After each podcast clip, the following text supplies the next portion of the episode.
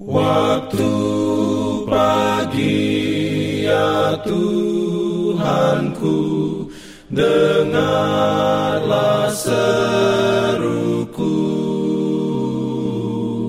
Melayang doa yang sungguh Memandang padamu. Selamat pagi pendengar Radio Advent Suara Pengharapan Mari mendengarkan suara Tuhan melalui tulisan pena inspirasi menjadi putra dan putri Allah.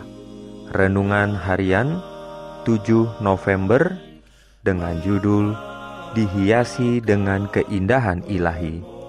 Ayat inti diambil dari Mazmur 27 ayat 4. Firman Tuhan berbunyi, Satu hal telah kuminta kepada Tuhan, itulah yang kuingini, diam di rumah Tuhan seumur hidupku, menyaksikan kemurahan Tuhan dan menikmati baiknya.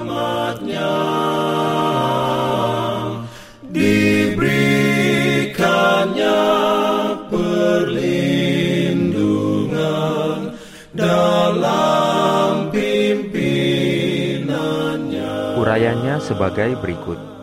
Kekuatan yang mulia berada dalam jangkauan setiap orang di bawah pengawasan Allah, seseorang dapat memiliki pikiran yang tidak rusak, dikuduskan, ditinggikan, dimuliakan. Melalui rahmat Kristus, pikiran manusia memenuhi syarat untuk mengasihi dan memuliakan Allah Sang Pencipta. Tuhan Yesus datang ke dunia kita untuk mewakili Bapa.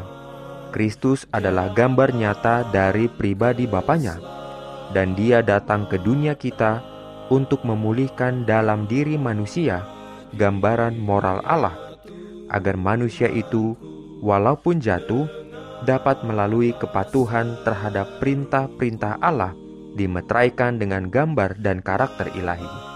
Tuhan ingin anak-anak menjadi cantik, bukan dengan perhiasan buatan, tetapi dengan keindahan karakter, pesona kebaikan, dan kasih sayang yang akan membuat hati mereka terikat dengan sukacita dan kebahagiaan.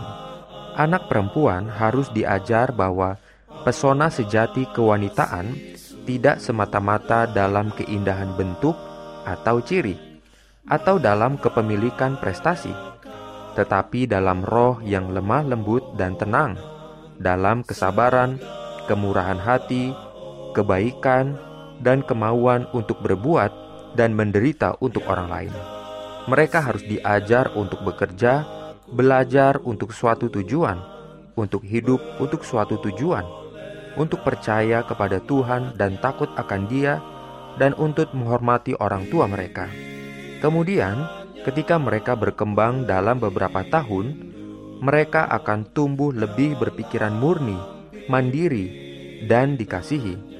Tidak mungkin menjatuhkan wanita seperti itu dia akan lepas dari godaan dan cobaan yang telah menghancurkan banyak orang.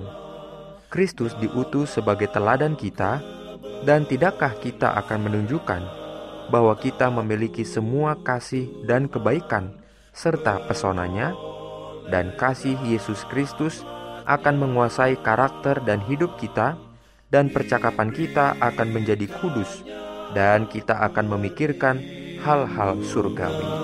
Amin. Dalam pimpinannya, pimpin aku. Jangan lupa untuk melanjutkan bacaan Alkitab sedunia.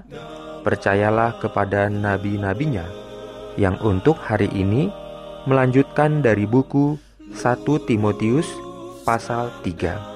Selamat beraktivitas hari ini. Tuhan memberkati kita semua. Jalan kewajiban, jalan keselamatan.